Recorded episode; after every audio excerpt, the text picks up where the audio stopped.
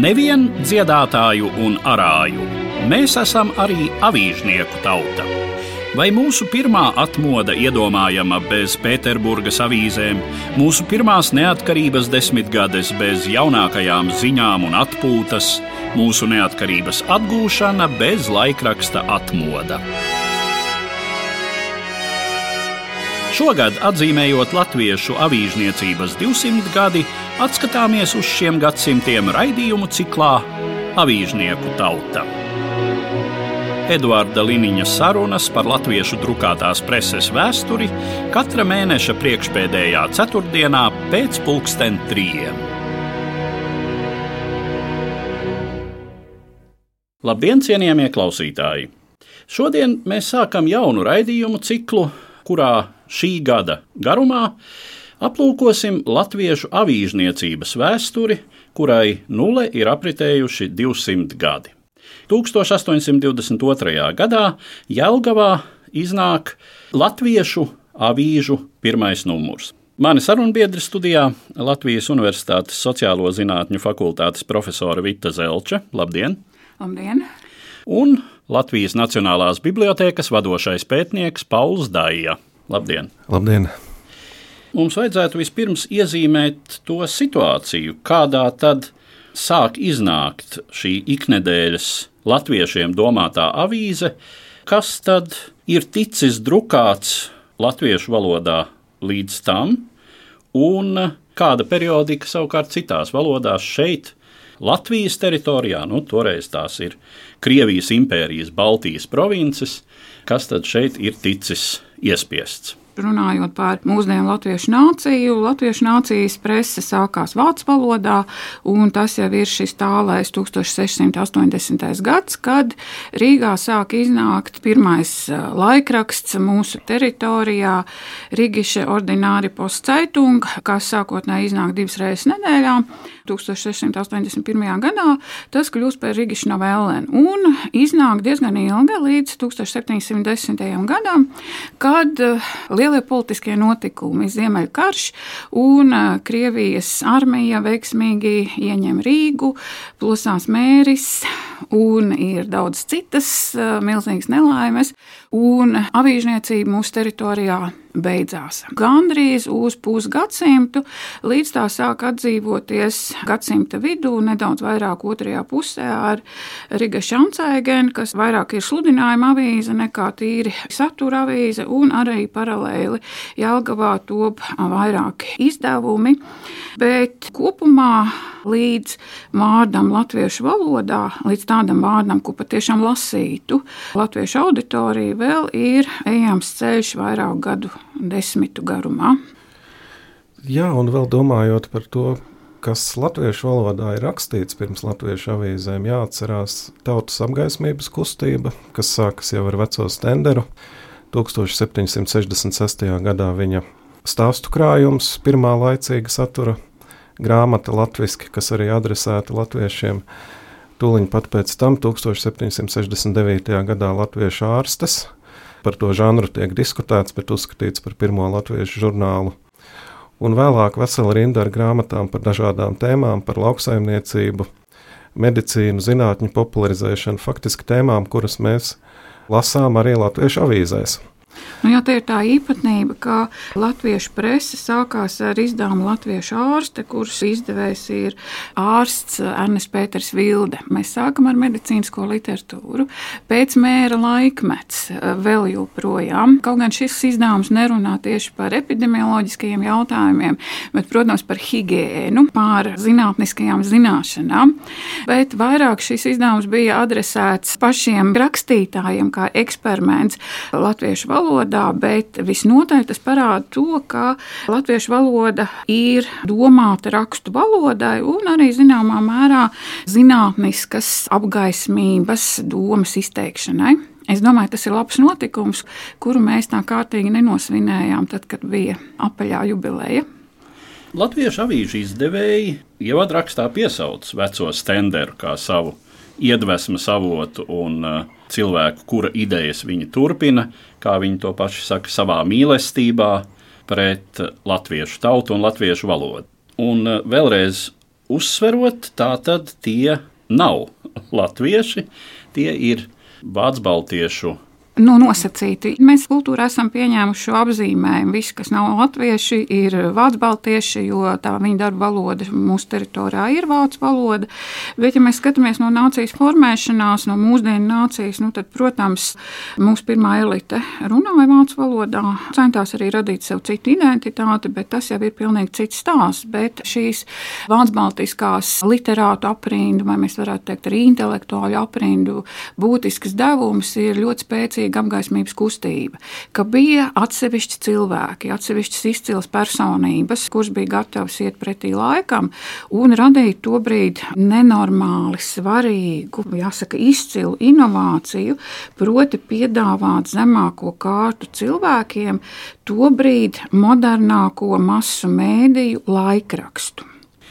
Salīdzinot šo pirmo latviešu avīžu formātu ar to, kā avīzes drukā citur, citās valodās, citās valstīs, kur avīžniecībai tobrīd jau ir vairāku gadsimtu vēsture, cik moderna no sava laika viedokļa izskatās šī avīze. Lai mēs sāktu salīdzināšanu, būtu uzreiz jāpaskatās uz citiem skaitļiem, proti, uz lasīt prasmi. Jo mūsu gadījumā tikko ir notikusi grandiozākā sociālā reforma, iespējams, visā mūsu teritorijas pastāvēšanas laikā, proti, dzimbūšanas atcelšana, kuras rezultātā aptuveni 90% cilvēku maina savu juridisko statusu. Viņi kļūst no atkarīgām cilvēciskām būtnēm par pilnīgi brīvām cilvēciskām būtnēm. Šajā visā kontekstā tad arī sākās mūsu teritorijā citi procesi, kas arī nozīmē pakāpenisku lasīt prasmes iegūšanu. Lasīt prasme tobrīd ir kaut kas līdzīgs mūsdienu datorprasmei. Tātad pirmais instruments, lai cilvēks varētu ieslēgties attiecīgi savā laikmetā. Protams, ja man būtu jāsalīdzina ar pasauli, tad 19. gadsimta 30. gados Amerikas Savienotajās valstīs sāka tapt uh, modernās pilsētas. 19. gadsimta 30. gados tur sākās tā saucamais penija preses laikmets, kad arī mediju tirgu izmeta zemākajiem slāņiem domātus lētus izdevumus, lai šie cilvēki varētu integrēties tobrīd esošajā jauntopošajā moderno pilsētu, modernās industrializācijas kultūrā. Mūsu gadījums ir savādāks, bet nu, kaut kādas zināmas līdzības mēs varam ieraudzīt. Tātad mediji pavēršās pret mazo cilvēku, pašu pašu niecīgāko sociālo būtni. Cik tad gatavs šis, paliksim pie šī apzīmējuma, mazais cilvēks, vai varam lietot atkal jau latviešu avīžu izdevēju apzīmējumu arāju, kārtas cilvēks, tā laika latvietis. Cik viņš ir gatavs patērēt? Viņam nevajadzēja tās avīzes. Īstenībā viņam nevajadzēja. Nu, labi, ja pagastā bija kāds viens uh, drukātā vārda fanāts, bet bija arī pagasti bez tādiem. Un tāpēc arī šī inovācija nāk vairāk no augšas, un tāpēc arī vajadzīgi vairāk gadu desmiti, kamēr uh, zemnieku pieradina pie avīžu lasīšanas, kamēr mainās uh, laikmeta ietvari. Pirmajos gados arī paši izdevēji savā laikrakstā atzīst, ka viņiem ir jāpārlauž šis priekšstats, ka avīzes ir kungu pasākums pasākums. Tad kungi ir tie, kur lasa avīzi, bet mēs godīgi garāji, nu, ko mēs ar tādām kungu gudrībām savā dzīvē darīsim. Ko tad lasīja? Tie vispārējie priekšstati ir tātad Bībeli, pamatā jauno derību droši vien dziesmu grāmatu vai vēl kaut ko. Jā, vai nu Bībele vai jaunā derība, dziesmu grāmata, katehisms un kalendārs. Tā ir tā standarta zemnieku biblioteka 18. gadsimta otrajā pusē un 19. gadsimta sākumā. Nu, kalendārā vēl varēja arī ierakstīt savus dzīves faktus, kad cūku nokāva, kad zemi apara, jo kalendārs kā tāds ļoti būtisks periodiskais izdevums eh, nokalpo visu 19. gadsimtu, un arī 20. gadsimtā vēl savas pozīcijas nav zaudējis. Jā, es Vitai Zelčai piekrītu tajā ziņā, ka patiešām grāmatas, un tas pats sakāms arī par periodiskajiem izdevumiem, nevis atsaucās uz lasītāju pieprasījumu, bet drīzāk gan radīja lasītājus. Tas nozīmē, bija vērstas nākotnē. Lasīt prasme bija vidzemē augstāka, ap divām trešdaļām 18. gadsimta beigās, kurzemē zemāka, ap vienu trešdaļu. Bet, protams, lasīt prasme nav tas pats, kas lasīšanas motivācija. Un ļoti svarīgs apgaismības pienesums bija pārliecināt latviešus par to, ka ir nepieciešams lasīt un ka lasīšana ir kaut kas vairāk nekā tikai reliģiska pieredze. Jo ļoti bieži šajā laikmetā lasīšanu identificēja ar reliģisku rituālu, bieži vien arī ar ceremoniālu. Par tādu lasīšanas revolūciju latviešu kultūrā mēs varam runāt 19. gadsimta vidū. Tas ir gan laiks, kad uh, latviešu avīzes iegūst strauju popularitāti, gan arī Anša Leitāna tulkotās grāfa Lielmātes Genovevas fenomens. Nu, vēl būtu jāpiebilst tas, ka nav tikai lasīšanas kultūra, bet ir pārstāstīšanas kultūra. Un arī veidojās šī ceremoniālā lasīšana. Laikraksts lasīšana laiku top kaut kā līdzīga regulārai rīta lūkšanai. Kā sākās diena, sanākam, izlasām, izlasa pie galda sēdošais vecākais vai galvenais vīrietis, un pārējie šo vēstījumu noklausās. Un, protams, ka ir jāpaiet vēl laikam, lai laikraksts nonāktu nonāktu līdz katrai mājai. Bet 19. gadsimta pirmajā pusē ļoti spēcīga ir tieši šī pārstāstīšanas kultūra. Arī laikraksta paši izdevēji motivē cilvēkus abonēt kopā vairākām mājām. Tātad viena māja izlasa dot tālāk, vienā mājā izlasa viens cilvēks. Nu, mēs varam balstīties zināšanās par tā laika maisaimniecībām. Tātad dzīvo aptuveni 10-15 cilvēki vismaz kopā. Nu, un tad eh, garie ziemas vakari, rudeņu vakari, vakarēšanas kultūra kultūra. Un tad, protams, šī izlasītā informācija, svaigā informācija, informācija no malas tiek pārstāstīta. Tātad, principā, Latviešu avīzes iedeva materiālu vesels nedēļas sarunām tai vai citai maisaimniecībai, līdz tā tiek pie nākamā numura. No pagātnes preses lapusēm.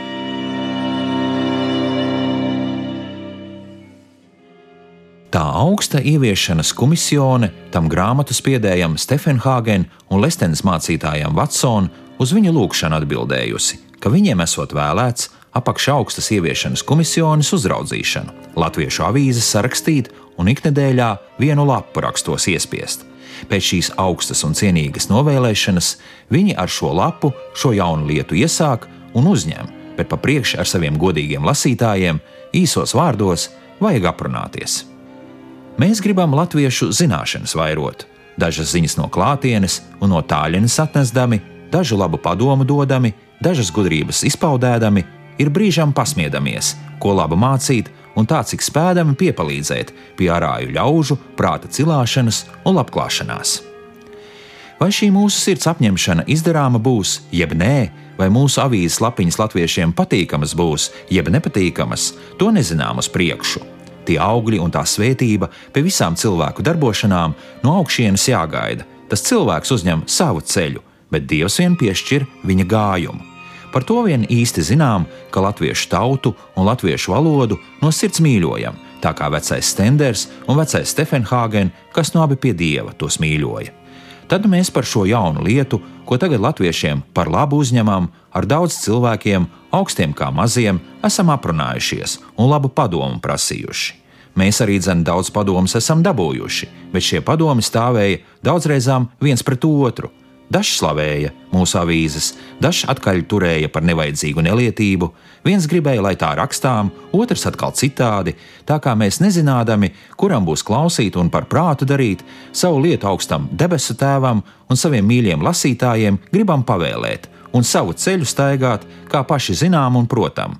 Mēs tādēļ visus savus godīgos lasītājus, augstus kā mazus, it mīlīgi lūdzam, ja varbūt kādu lietu iekš šīm avīzēm atrona, kas viņiem nepatīkama, jeb kā arī var trāpīties parūkta un nesmeķīga būtu, lai mūs tūlīt nepazudina, bet lai viņa stāsta pieminēdami, ielē apdomā, ka nevar nedz visiem padomiem paklausīt, nedz arī visiem cilvēkiem allažiņu par prātu darīt.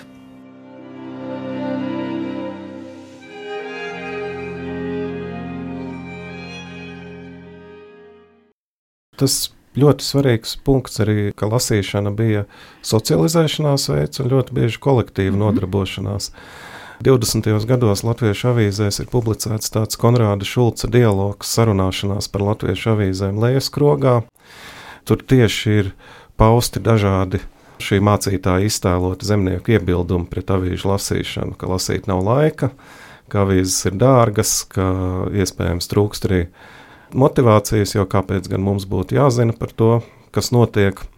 Bet eh, Konrāds Šulcs šajā dialogā ar dialogu dalībnieku grodzinieka vārdiem pārliecina zemniekus, ka avīzes ir vērts lasīt, ka ir vērts varbūt ekonomēt naudu, kas citādi aizietu degvīnam, un ieguldīt to kopīgā laikraksta pasūtīšanā. Un, ja pašam ir grūtības ar lasīšanu, tad kāds no mainiekiem var lasīt priekšā. Nu jā, un Konrāds Šulcs turpat arī norāda, ka latviešu krogos atstāja stipri daudz vairāk naudas, un būtu iespējams pat par šo minimālu nodzerto naudu vismaz divām mājām abonēt laikrakstu veselam gadam. Kāda tad ir tā pasaules aina, kuru šis periodiskais izdevums pavēr saviem lasītājiem?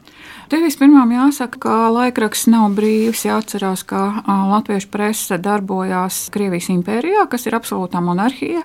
Un Krievija tieši 19. gadsimta sākumā ir pamanījusi to, ka preses skrūves ir piegriežamās skrūves, un 1804. gads ir pirmais šīs preses nolikums. Pēc tam, kā zināms, Krievijā notiek grandiozais valsts afērs un mēģinājums, un dekabristu sacelšanās mums atnes 1826. gada preses nolikumu, kuru literatūrā dēvē par čuguna likumu, jo pēc tā vispār nevar darboties drukātais vārds normālā formātā, un divus gadus vēlāk tiek pieņemts 1828. gada preses nolikums, kas ir arī ļoti strikts, un ļoti strikti noteikumi ir zemāko kārtu izdevumiem. Nekā nedrīkst rakstīt par politiku un par tādām lietām, par kurām Krievijas administrācija domā, ka tās zemniekiem nav piemērotas. Un tāpēc mēs nevienmēr varam, lasot laikrakstu saturu, domāt, ka tas ir tas, ko Vatsons vai nākamie redaktori grib piedāvāt latviešu auditorijai. Viņi paši ir stiprā tādā krātiņā.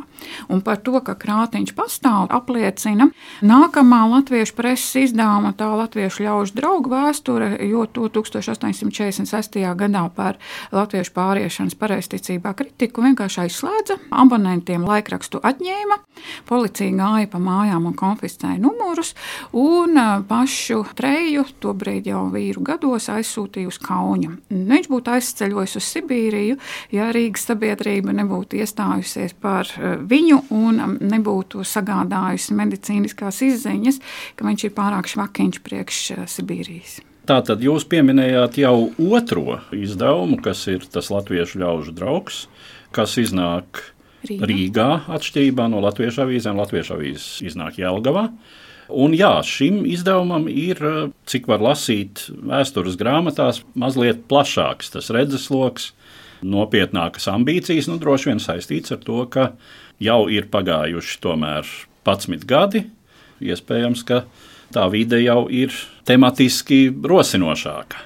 Gan tas, gan arī vidzeme, jo vidzeme tomēr, kā arī kolēģis teica, lasīt ir vairāk griboša un atvērta lasīšanai. Un arī jāņem vērā ir laikraksta redaktora Hermaņa Trēja personība, jo viņš kā apgaismotājs gāja tālāk nekā viņa kurzems kolēģi, un viņš nopietni strādāja ar latviešu izcelsmes literātiem, proti ar tiem literātiem, kuriem latviešu valoda ir dzimtā valoda. Viņš arī ir tieši tas, kurš literāri apritē ieved 19. 19. gadsimta vis, vispopulārāko literātu, rakstnieku Ansi Leitānu. Un eh, arī daudz materiāli tieši treja avīzē ir daudz tuvāki auditorijai nekā tas ir kurzemē iznākošajos izdevumos. Faktiski šie pirmie izdevumi kļūst par to platformu, kurā sevi apliecina pirmā latviešu rakstnieku, dzinieku paudze. Jā, laikrakstiem vajag labu materiālu. Varbūt šie pirmie kurzemes izdevuma redaktori to nevienmēr saprata. Viņiem bija varbūt vairāk izteikts šis pašpietiekamības sindroms, kas varbūt mainījās tieši Rudolfa Šulca laikā, bet tas jau ir 19. gadsimta 40. gadu beigas, 50. gadi. Bet eh, Hermans Trejs patiešām nopietni strādāja ar eh, latviešu literātiem. Protams, minētais Ants Leitāns absolūti izcila persona. Par viņu var jūt jūsmot un jūsmot. Un, protams, teiksim arī to, ka viņš ir pirmais mājas viesa redaktors, pirmais vispār latviešu izcelsmes redaktors, autodidakts. Cilvēks, kurš visu savu dzīvi ir dzīvojis sāpēs, jo bērnībā viņam uzbruka slimība, kas sakropļoja viņa augumu. Varbūt jāsaka, ka tagad skarbi raugoties no vēstures viedokļa, varbūt labi, ka tā, jo savādāk viņš būtu bijis normāls zemnieks un arī zemi, nevis lokalizējis Genovēvu vai rediģējis mājas viesi. Jo zemnieku uzskats ir tāds, ka uz skolām dodas visādi nabadzīņi, kas lauku darbiem nav piemēroti. Bet tas arī ir cits stāsts. Bet mums, protams, ir jāpiemina pie pirmās paudzes literātiem. Ansis eh, Līventāls, Ernests Dinsberģis. Nu, ja mēs pārlapojam to latviešu ļaužu draugu, tad ārkārtīgi interesanti redzēt, ka blakus vācu mācītājiem aizvien vairāk un vairāk latviešu, Ansis Līventāls, Jānis Ruģēns, arī šķiet pirmā izglītotā latviešu autore, sieviete Doroteja Steinbauma, Pēteris Ulpe. Ir tā, un es vēlos šeit pamazām paši latviešu autori no latviešu vidus iesaistās literārijā procesā. Tas notiek savstarpējā sadarbībā ar vācu mācītājiem, bez tādiem ārējiem konfliktiem, kādus mēs redzam vēlāk jaunatviešu laikmetā. Un faktiski pirmās idejas, kas jau piesaka jaunatviešu laikmetu iedīgli, parādās tieši šajā laikā. Piemēram, Jāņa Ruģēna pazīstamais dzējolis, kad atnāks latviešiem tie laiki, publicēts laikrakstā tas latviešu ļaužu draugs. Latviešu avīzes izaudzināja jaunatviešu preses auditoriju. Tas, manuprāt, ir iespējams pats svarīgākais, kas mums ir sakāms par latviešu avīzēm. Svarīgi arī Krievijas impērijas apstākļos. Mums, Latvijā, atšķirībā no Igaunijas, mums no 822. gada laikraksti iznāca nepārtraukti visu laiku. Igaunijas gadījumā viņi pazaudēja laikrakstu koncesiju. Bija arī Igaunijā tāds pats līdzinieks, kur veidoja mācītājs Mazīgs, bet tur menedžments bija sliktāks, mums bija labāks. Vatsona menedžments bija ģeniāls, viņš dabūja subsīdijas, obligāto auditoriju un laikraksts nebankrotēja, atšķirībā no Igaunijas ekvivalenta. Izturēja skarbos 30. un 40. gadus, kad Krievijas impērijā tika pārtraukta laikraksta koncesija izsniegšana. Šīs preses laikmets mainījās tikai mainoties cariem un Krievijai piedzīvojot sakāvi Krimas karā, jo Krievija saprata to, ka bez modernizācijas un modernizācijas sastāvdaļa ir arī prese, kas tomēr piedalās diskusijā par valsts attīstību. Krievijas impērijai nākotnes izredzu nav, un 50. gadu vidū tika atvērta iespēja jaunu preses izdevumu izveidošanai, un viens no pirmajiem šīs jaunās plūsmas izdevumiem ir laikraksts mājas viesis Anšla Leitāna redakcijā 1856. gada vasara. Runājot par latviešu avīzēm, tas ir īsts ilgdzīvotājs. Turpina iznākt līdz pat 1915. gadam. Iespējams, iznākt vēl ilgāk, ja ne Pirmais pasaules karš un uh, kurzemes okupācija no ķeizariskās Vācijas armijas puses kā šis izdevums tik ilgi tomēr pamanās dzīvot, būt acīm redzot, tomēr vairāk vai mazāk populārs, pieprasīts. 19. gadsimta otrajā pusē izdevums vairāk ir adresēts konservatīvajai, kristīgai publikai. Tā ir konkrēta mērķa auditorija. Un varētu teikt, ka no tādas uh, jauneklīgās auditorijas, kāda bija 19. gadsimta pirmajā pusē, tad pāriet uz pretēju auditoriju, jo to pārējo pārņem citi izdevumi. Vēl viena svarīga lieta ir menedžments, spēja piesaistīt sponsorus, kas kurzemes kultūrā, šajā kurzemes arī baznīcas kultūrā ir ļoti spēcīgs elements, kas arī laikrakstam ļauj izdzīvot uh, krīzes situācijās.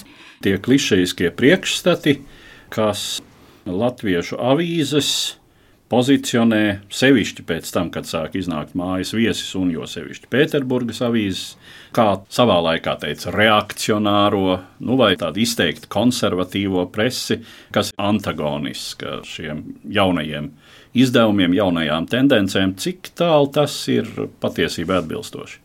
Katrā laikmetā raksta savu vēsturi. Pirmā latviešu avīžu vēsture tapa jau faktiski jaunatviešu laikmetā, un, protams, 19. gadsimta 50. un 60. gados latviešu avīzes bija latviešu nacionālismu, latviešu nācijas tapšanas pretinieces. Tāda ir šo avīžu vēsturiskā misija, un tā arī šo avīžu vēsturi rakstīja attiecīgi uzvarētāji, jo Latvijas valsts tapšana lielā mērā nozīmē jaunatviešu ideju uzvaru.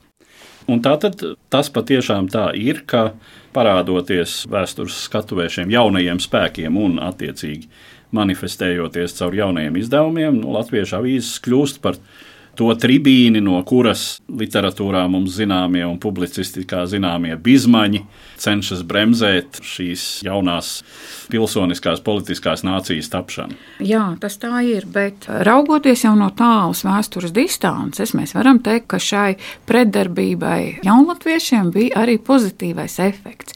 Proti, ja tā pretdarbība nebūtu bijusi tik liela, tad jaunatviešu kustība nebūtu bijusi tik spēcīga. Lielā mērā arī šiem latviešu avīžu redaktoriem, īpaši, protams, Rudolfam Šulcam, mēs varam arī teikt paldies par milzīgo pretdarbību jaunatviešiem, jo tieši cīņās pret tik spēcīgu personību tā kārtīgi norūdījās Krišāns Valdemārs un līdz galam nesalūza arī Āns Leitāns tas pirmais aplausiens, pirmais atsitiens ir briesmīgs, bet ļoti bieži tieši tādās sāpēs, pretdarbībā dzimst uh, progress, un tā ideja par latviešu nāciju kļūst nozīmīgāka.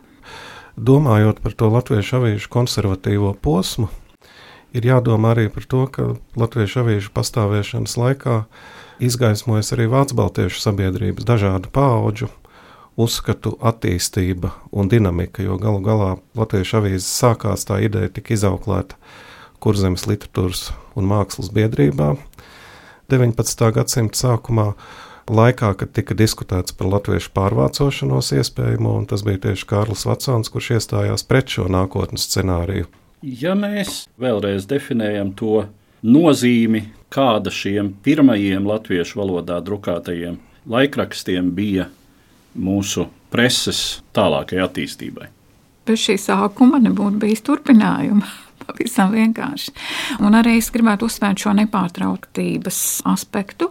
Šie posmi visbiežāk mēs tos dalām pēc redaktoriem. Spožais ģeniālais Kārla Vatsona posms, tad tā kā pieklusums, kas saistās ar Johanu Kēleru, arī tādu ļoti nopietnu Jāgaunas mācītāju, kur pēc tam nomainīja Jūlijus Richters. Gados pilnīgi jauns cilvēks, studējis Tērbetā un Berlīnē, arī kaut ko pamēģina pilnīgi pa jaunu, pēc tam tā aizspožu luterāņu mācītāju karjeru Sanktpēterburgā. Tad viņa vietā nāk Vilhelms Pantēnius, čaklas darba rūķis, bet bez asprātības un izdomas. Tad viņa vietā nāk Rudolfs Šulcs, kurš ir pirmais, kurš maina laikraksta nozīmi sabiedrībā un tiešām pierunā, piespiež latviešus lasīt laikrakstu un pirmo reizi arī latviešu sabiedrību integrē pasaules notikumos, proti Krimas karā un arī lielajā pasaules politikā, Eiropas politikā, kas rit ap šo karu. Un pēc tam sākās jaunlatviešu laikmets un aizvien vairāk un vairāk preses izdevumi, gan iznāk, gan tiek lasīti. Un tā līdz tam mirklim, kad radio parādās un laikraksti sāk zaudēt galvenā masu mēdīja vietu. Un Latvijā gan radio mums tā diezgan pavēli kļūst par galveno masu mēdīju. Ulmaņa laiks tas vēl nav. Tātad 40.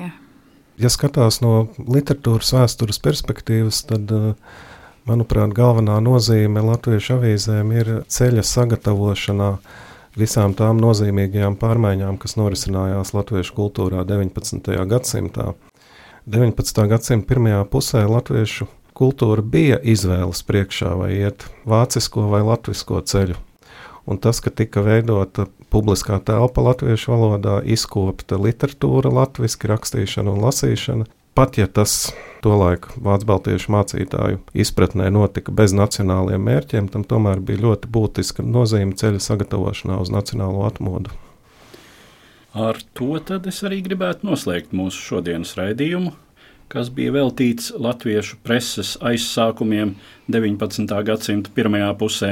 Un es saku paldies maniem sarunbiedriem, Latvijas Universitātes sociālo zinātņu fakultātes profesorei Vitai Zelčai un Latvijas Nacionālās bibliotēkas vadošajam pētniekam Paulam Dājam. Paldies!